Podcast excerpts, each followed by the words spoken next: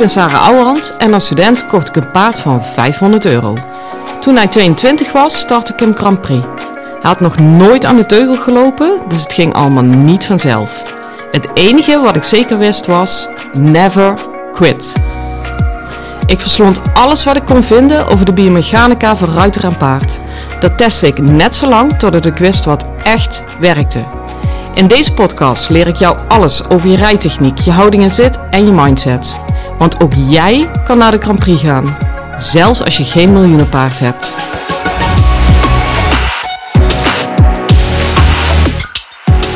Hi lieve paardenmensen. Ik zit hier uh, nog net met de verwarming aan in mijn praktijkruimte. Dus een vloerverwarming, dus ik zit ook echt met de vloer, uh, of met de kont op mijn vloer. Ja, die vloerverwarming, dat is wel een dingetje geweest voordat die er kwam. Ik heb hier uh, vijf jaar met een eigenwijs hoofd zitten nikkelen van de kou. Want bij uh, de aanbouw of de verbouwing van mijn praktijk was ik verkeerd geadviseerd door het drie man sterk notabene. En die zeiden allemaal geen vloerverwarming mevrouw. Maar wat bleek nou, die zat boven een kelder, dus die kou trok gigantisch op. Dus ja, weet je, de hele winter... Uh, nou, laat ik het zo zeggen. Je, je, kwam niet graag daar in de winter. Maar dan heb ik een beetje een eigenwijs hoofd. Wat dat betreft heb ik net zo'n dik voorhoofd als mijn paard. Ja, ik heb net die vloer gedaan en verbouwd. Dus uh, voorlopig uh, wordt daar niks aan veranderd. Totdat ik dacht, weet je Saar, gun jezelf een warme vloer. Nou jongens, als je jezelf nou een keer echt blij wil maken, doe het gewoon. Oké? Okay? Um, ja, ik kijk tegelijkertijd naar buiten onze tuin en het begint al een beetje te dagen. Alles wordt groener en lichter en makkelijker. En ik hoop ook dat dat voor de ruiter geldt waar ik straks naartoe ga. Zij uh, appte mij met eigenlijk, nou, ik vond het nog vrij kort gezien het verhaal erachter. Van hé hey joh, mijn paard is op en af onregelmatig. Wil jij een keer meekijken of wil je me helpen?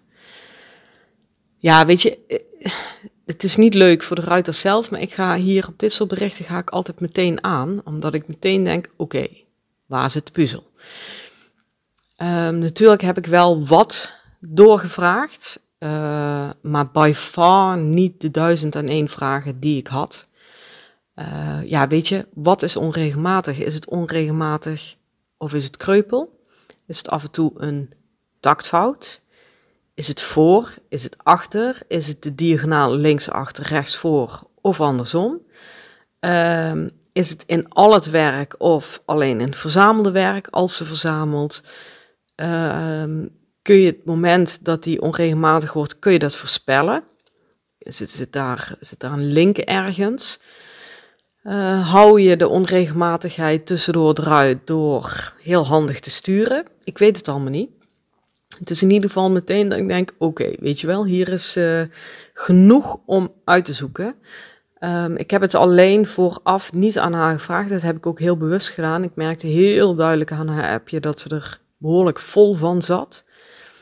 En uh, ja, weet je, zij is al bij drie dierenartsen geweest die hem binnenstebuiten hebben gekeerd. Die kunnen niks vinden.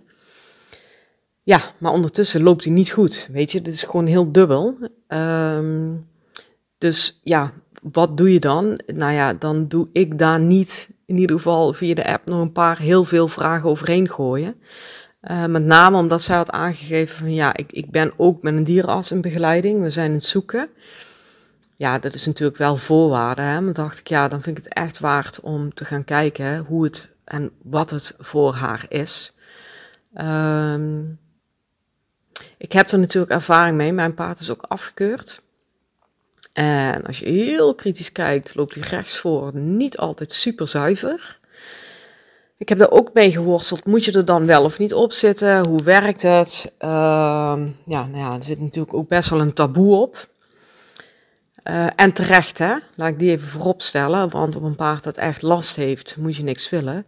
Wat mij altijd heel erg helpt in dat, weet je, om hem helemaal plat te slaan en wel een keuze hierin te maken, is dat ik mezelf afvraag of gewoon ook een keer uittest. Luister even heel simpel. Wordt hij beter van beweging, van dressuurmatige oefeningen dan in de goede zin des woords? Nou, als hij daar beter door gaat bewegen aan het einde van de training, dan zeg ik rijden wordt die niet beter van enigszins dressuurmatige training, dan zeg ik niet rijden. Um, Oeh, ik moet alweer heel erg opzoeken, want dit is ook wel weer een hele zwart-witte. Maar dat is in ieder geval de, de kapstok waar ik me heel erg vast aan heb gehouden. Omdat als je zoiets fysieks met een paard hebt. Ja, op een gegeven moment gaat er ook mentaal een rol iets spelen. Echt, ik blijf me verbazen over hoe groot de impact is als je paard iets heeft op de, op de mens daaromheen. Nou, ik, ik ben echt niet kinderachtig. Ik ben ook echt wel, uh, ja, kan echt wel uh, redelijk wat shit dragen. Zo ook de ruiters, het gros van de ruiters waar ik mee werk en al helemaal mijn vriendinnen, dat zijn gewoon stevige types. Nou, en ik had er laatste één aan de lijn, haar paard is uh, kreupen, ze zat echt helemaal down en out op de bank. Nou was het niet een pasje dat hij miste, maar die is al een paar maanden onderweg ja, het, het doet gewoon zoveel met een ruiter. En het is ook zo'n teleurstelling. En ja, het gaat om het paard, maar jij bent er ook nog. En jij staat er ook met je verlangens en dromen in. En wil überhaupt dat het goed gaat met je paard. Dus daar komt gewoon snel veel bij. En waarom ik dat noem, is dat ik dadelijk natuurlijk ga kijken naar het paardje van in the first place, oké, what's going on? Maar ga ook naar haar kijken. Wat doe jij? Want zij is als ik het me goed herinner uit die app, al anderhalf jaar op en af een tobbe. Nou, dan kun je al uitschrijven dat daar uh, patronen in zitten hoe ze het paard rijdt. Want ze twijfelt, mag ik er belasten of niet? Nou, dan weet ik nu al zonder haar gezien te hebben, nou, die rijdt halve bak. Er bestaat niet dat zij gewoon scherp op die hulpen nu vraagt. Terwijl het juist zo is. Als je je paard nu echt wil helpen, zet je hem fatsoenlijk aan de hulp, want dan komt hij over de rug. Nou, daar wordt hij beter van. Uh, maar ja, dat is makkelijker gezegd dan gedaan, hè? want ik heb zelf ook al een tijd gehad. Uh, de laatste blessure was een collateraalbandje. En uh, nou, lang verhaal kort, het was toen ik Inter 2 ging starten, dus de laatste klasse voor de Grand Prix. Ja, en weet je, natuurlijk was ik al dankbaar met alles wat er is geweest. En meer dan ik ooit had durven dromen. Maar jongens, hey, laten we elkaar even geen mietje noemen. Als je de Grand Prix kan ruiken, ja, dan wil je hem ook aantikken.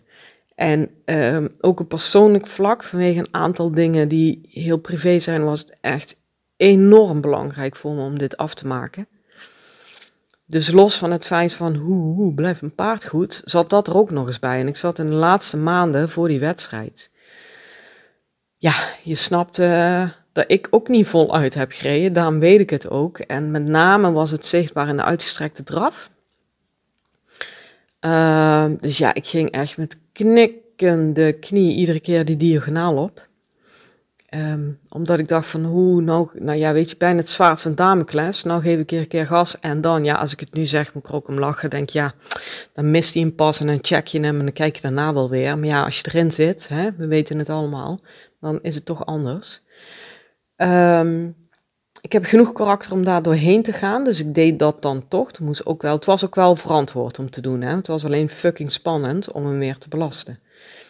Ja, en toen heb ik mezelf toch erop betrapt van ja, leuk dat je op karakter doorheen gaat, maar ondertussen zet ik stiekem mijn schouders en mijn rug muur vast, zodat hij daaraan kan hangen en hopelijk genoeg stabiliteit aan de kop heeft om regelmatig te blijven. Heb ik me achteraf bedacht.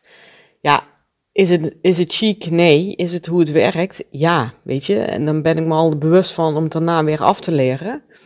Maar ook dat stukje wil ik bij haar echt, echt gaan checken. Van hou je hem ergens overeind bij elkaar, uh, te veel vast vanuit het idee ik help je. Terwijl je paard dan natuurlijk niet helpt. En dat ga ik er ook afpellen. En dan kan het zomaar zijn dat het paardje in het begin even wat slechter wordt. En in het begin even, zeg ik. En daar ben ik dan eigenlijk nog blij mee ook. Uh, want dan weet ik in ieder geval dat we goed af zijn in pellen. En als het dan zichtbaar wordt, omdat hij niet meer geholpen wordt, dan kun je fundamentele keuzes maken in of je het oplost en hoe je het oplost. Dat zijn natuurlijk ook twee dingen. Um, ja, mijn schoonmoeder zegt altijd iets heel moois over. Dat zegt ze dan over, uh, over mensen. Hè? Iemand in onze omgeving die had uh, echt nogal niet obvious iets heel doms gedaan. En uh, ik keek eigenlijk een beetje mijn schoonmoeder aan van, joh, zeg je er niks van? En die keek me alleen aan en die zei, ze heeft recht op haar eigen fouten. En dat vond ik zo'n mooie. En dat hoort eigenlijk ook bij dit soort type paden. Laat ze die mispassen maken. Want alleen dan kan het duidelijk worden en kun je fundamenteel oplossen. En in die zin heeft het paardje ook recht op zijn eigen fouten. En hoeft hij niet, als ik de diagonaal op ga, volledige support en steun van mij te hebben, zodat ik het hopelijk een beetje wegpoets. Snap je? Nou, ik uh, ben heel, heel benieuwd. Ik ga jullie meenemen in deze les. Want als ik uit die les kom, ga ik jullie uh, nog een keer toespreken. Nee, ga ik nog een keer met jullie in gesprek. En dan ga ik jullie gewoon mijn bevindingen geven. En dan gaan we kijken met de vragen die ik nu heb en de algemene gedachten. Um, ja, waar kwamen we op uit? Het is allemaal op voorwaarde dat hij bij de dierenarts is geweest, hè? Maar dat had ik al gezegd. Um, ja, voor mij is het echt een spekje van Becky. Jongens, ik uh, trap nu even af. Ik ga naar haar toe. Ik ga met haar aan de slag en jullie horen mij straks weer. Hoi! Ja, hallo. Ik stap echt net mijn auto. Ik rij net weg. Ik zet nog even de navigatie aan. Het is maar 10 minuten, maar joh, ik uh, ook met TomTom. Tom? Dus uh, voor iedere meter die ik in mijn auto rij, gaat die navigatie aan. Uh, man, wat kan er veel gebeuren in één les. En al helemaal in een eerste les. Echt niet normaal. Ik, wel ten positieve hoor, prachtig. Maar ja, dit was echt een omslag. En gelukkig maar, hè, want daar kwam ze natuurlijk voor. Waar zal ik eens even beginnen? Nou, het, was al veel toen ik binnenkwam. Ik zag dat ze er hoog in haar energie op zat. Ja, en weet je, dan heb je het weer. Uh, niet invullen voor een ander, maar dat deed ik dus wel. En ik uh, bedacht even voor haar dat zij zenuwachtig was, omdat het een eerste les was van mij. Dus ik keek er op een gegeven moment aan en ik zei: Hé, hey, rustig aan, hè? je hoeft niet zenuwachtig te zijn. Ja, ze barst prompt in tranen uit. En ze zei: Ja, het is helemaal niet dat ik zenuwachtig ben. Ik ben gewoon even zo gefrustreerd over dit proces. Ik vind het zo ontzettend moeilijk. Ik weet gewoon echt niet meer waar ik het zoeken moet. Ik denk, ja, ik, ik snap je duizend procent, meid. En uh, ik hoop echt met heel mijn hartje te kunnen helpen. Maar laten we dan in godsnaam beginnen. Want uh, ik wil gewoon weten hoe jouw paard beweegt. En ik heb haar ook gewoon weg laten stappen met lange teugel. En ik zei, ik wil dat je nu koud aandraaft. Je pakt niet eens de teugels op, gewoon been aandraven. Dat ik gewoon heel puur zie, wat doet dat paard als die op geen enkele manier geholpen wordt. Nou, toen zag ik al dat ze behoorlijk scheef trok in haar schouders. Maar ik laat die info eerst altijd. Hè. Ik kijk altijd uh, hoe zit het uh, met de rest. Uh, toen heb ik haar gevraagd van nou pak je teugels maar op en ga gewoon rijden. En doe alsjeblieft zoals je altijd doet. Um, voel je niet bezwaard omdat ik opeens in de baan sta. Nou, wat mij heel erg opviel, dat uh, bij de spannende stukken, en dan heb ik het over bochten of een oefening of een scherpere wending, waar onregelmatigheid op de loer lag, dat deze dame, deze ruiter, echt ontzettend druk werd in de hulp. Ik, nou, ze was echt ineens all over the place. Ik weet niet wat ze allemaal tegelijk deed, maar ik denk, ja, what the fuck, wat ben je aan het doen? Ja, dat is natuurlijk precies het omgekeerde als wat ik deed. Uh, bij mijn paard, wat ik daar straks vertelde. Kijk, ik verstar een beetje en word strak, statisch. Ja, zij klapt gewoon naar buiten en gaat gewoon van alles uit de kast trekken om het per definitie niet te laten gebeuren. Nou, ik weet niet of je bekend bent met denk niet aan een roze olifantje. Dat is natuurlijk bingo, hè? En um, dat is al helemaal bingo, omdat dit paard een gevoelige merrie was. Nou ja, weet je, pak erin, hou maar op, schuim eruit. Dit wordt hem niet. En um, ik stap het wel, hè. Ik stap het duizend procent. Maar zie hier alsjeblieft ook een beetje de humor van in, want anders komen we helemaal nergens meer met die knollen. Dus ik heb haar dat wel aangegeven van ja, weet je, die momenten moeten we echt in ieder geval bij jou gaan tackelen. Want A, ik weet niet meer wat je doet. Uh, B, je paard weet dat nog minder. En C, uh, geheid kun je vergif op innemen dat er onregelmatigheid is. Dus eerst terug in de rust. En terug in de rust betekent, je moet weten welke hulp je waarom geeft. En hou ze klein. Hou ze mega klein. En je kan ze alleen maar mega klein houden als jij echt heel geconcentreerd in je ruitergevoel gaat. want als je dat niet doet, krijg je vast veel te laat signalen over waar je op in zou moeten grijpen bij je paard. En als je te laat signaleert, moet je hulp te groot zijn.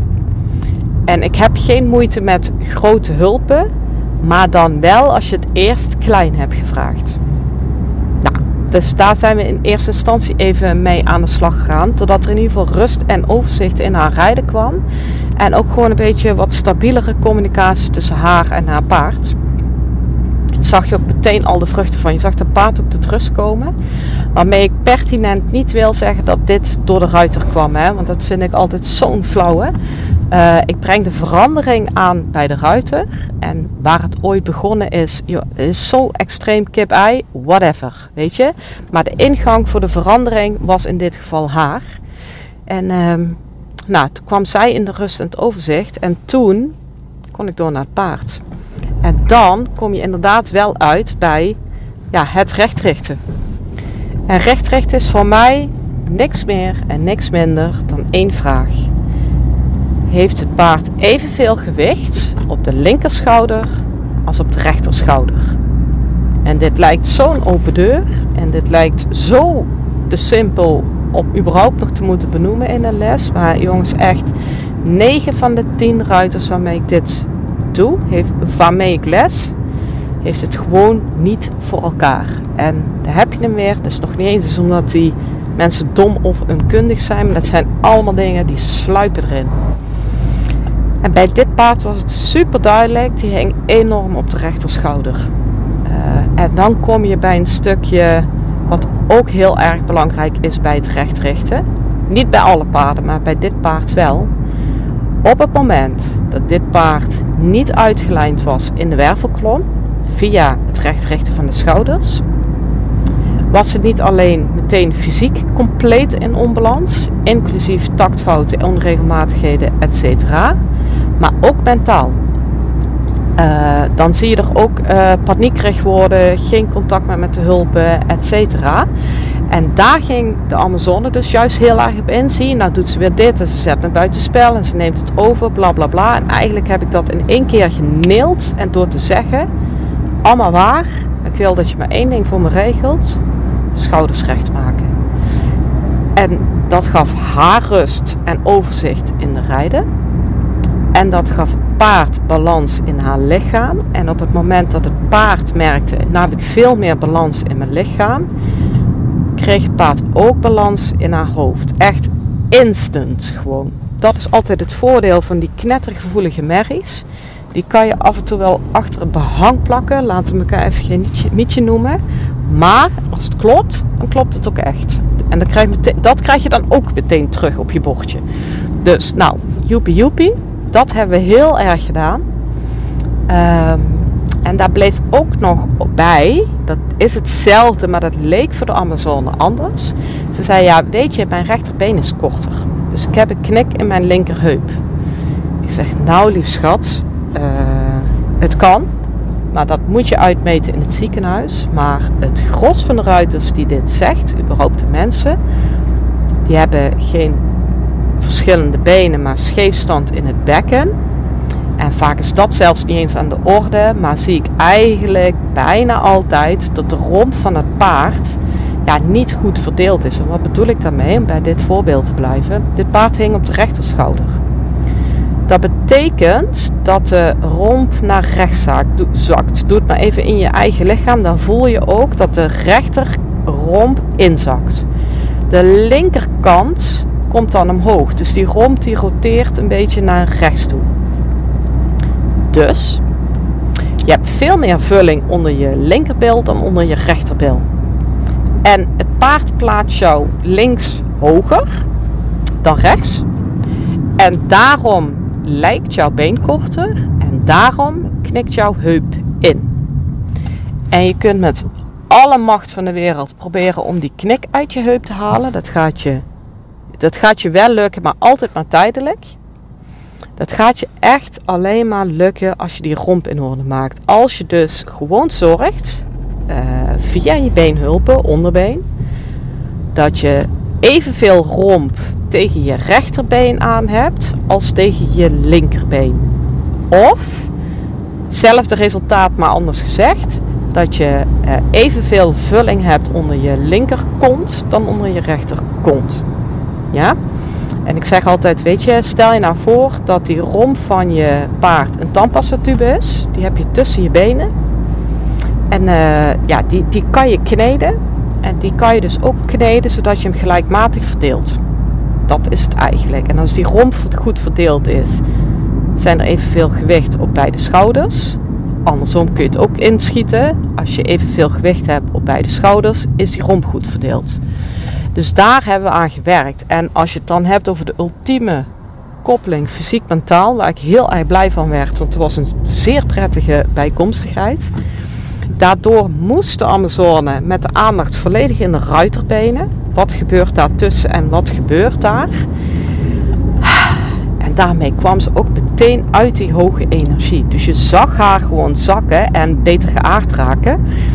Waardoor het echt gewoon een positieve spiraal omhoog werd. Zowel mentaal bij de ruiter, als mentaal bij het paard, als fysiek bij het paard. Ja, en weet je jongens, de laatste twee, drie rondjes, nog wel langer, misschien wel zeven rondjes, is het paard zo stabiel en zo mooi door de baan. Het was gewoon genot om naar te kijken. Ik heb ook uh, zeker drie minuten mijn mond gehouden, alleen maar gekeken en blij geweest voor haar. Uh, ja, ik, ik, had gewoon het kipvel. Het, het, was gewoon zo mooi wat daar ontstond. En wat me dan zo ontroert, los van dat het dan dressuurmatig gezien klopt. Weet je, dit is nou wat ik bedoel met een paard in zijn kracht rijden. Uh, bij dit soort paarden is het zo ontzettend de valkuil om te gaan lopen trutten met alle begrippen. Want ik heb je net verteld, ik heb ook mijn angst rondom een paard gehad en die durven rijden. En toch, en dat heeft mij ontzettend geholpen om daar doorheen te komen, heb ik me echt voor ogen gehouden. Ja, weet je, dit paard wil ik zo recht doen. Ik wil hem zo laten worden wie hij kan zijn. Dan moet ik hem in zijn kracht rijden. En als ik hem in zijn kracht wil rijden, moet ik heel duidelijk zijn in hulpen. Moet ik super consequent zijn. Want mensen zeggen dan, ja, ik moet strenger zijn. Nee, gewoon consequent. En dat is niet streng, want streng heeft een hele negatieve lading. Maar dat is, je rijdt een paard in zijn kracht. Als je vanuit die gedachte gaat rijden, lukt het je veel beter om overzicht te houden en consequent door te pakken. Uh, ja, dat, dat is ook wat vandaag aan het einde van de les gebeurde. Ja, dat is echt voor mij ook nog steeds als ik in de baan sta zo'n groot cadeau. En uh, de Amazone riep ook, uh, ja Sarah, kan je wel zoenen? Ja, dat was gewoon genieten. En ze had gelukkig, gelukkig het benul om gewoon op dat moment ook echt te stoppen met de les. We hadden eigenlijk nog, nou, ik denk wel 10 minuten over. Uh, en eigenlijk vind ik, vond ik al van ja, ik wil stoppen, maar weet je, ik ken iemand niet. Het is de eerste les. Ik wil me ook netjes aan mijn afspraken houden.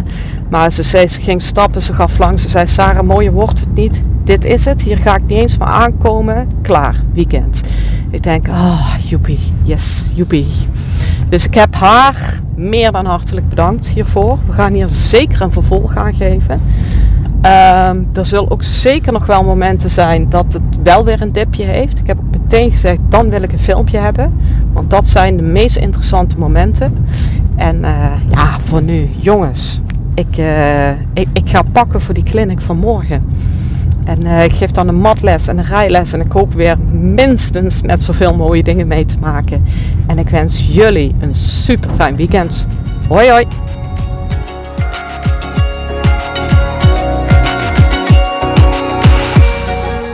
Lieve ruiters, dit was hem weer voor vandaag. Waardeer je mijn tips? Geef me sterren op Spotify en iTunes. Dat voelt voor mij als een dankjewel. En geef je paard een knuffel van me.